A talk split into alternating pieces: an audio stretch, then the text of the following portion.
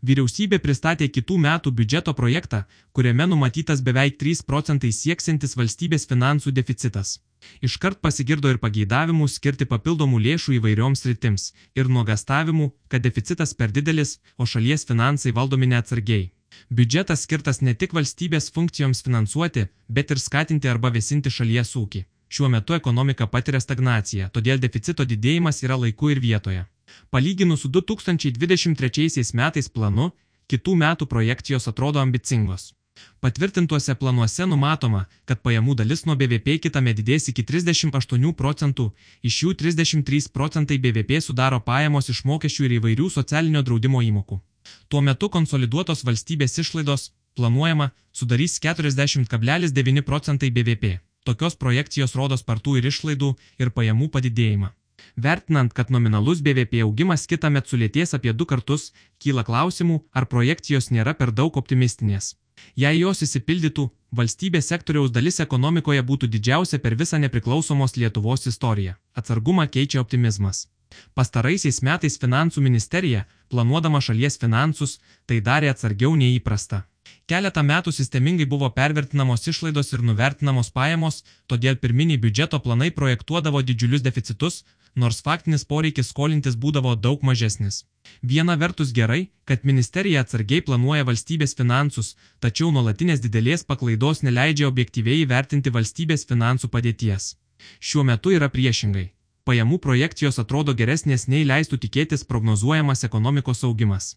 Pajamų mokesčių planuojama surinkti beveik 16 procentų daugiau nei šiemet, tuo metu darbo užmokesčio fondas, tikėtina, auks mažiau nei 10 procentų net nevertinant to, kad reikšmingai didėja MPD. Tokį pajamų planą įgyvendinti bus sunku. Panaši situacija ir su pridėtinės vertės mokesčiu. Tikimasi 20 procentų didesnio PVM surinkimo. Nors nominalaus vartojimo augimas vargu ar viršį 6 procentai PVM surinkimui padės pasibaigęs dalies mokestinių lengvatų galiojimas. Vis dėlto galima daryti išvadą, kad projektuojant biudžeto pajamas netrūko optimistinių prielaidų. Kita vertus, ir išlaidos gali atsilikti nuo plano.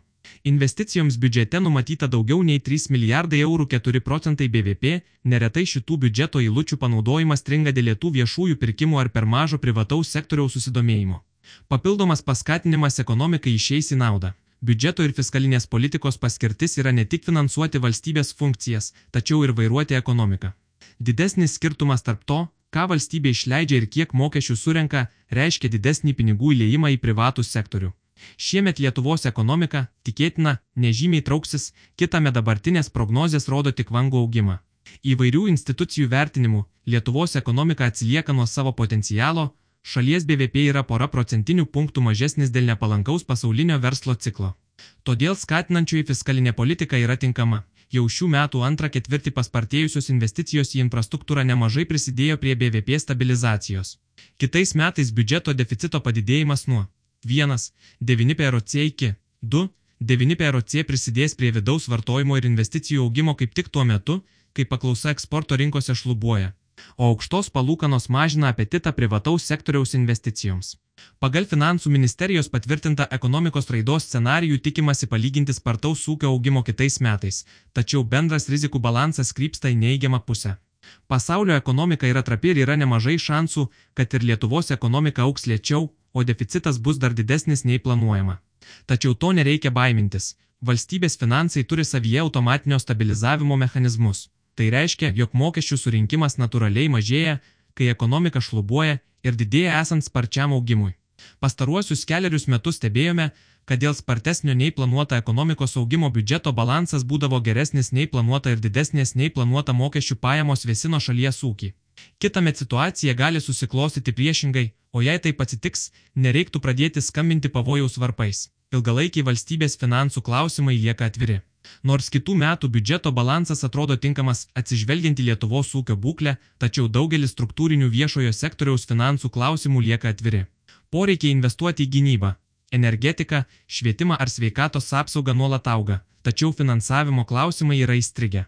Lietuvoje mokesčiams tenkanti BVP dalis ir taip ženkliai atsilieka nuo S vidurkio, be to, nuo kito dešimtmečio labiau pradės jaustis visuomenės senėjimo poveikis viešiesiems finansams.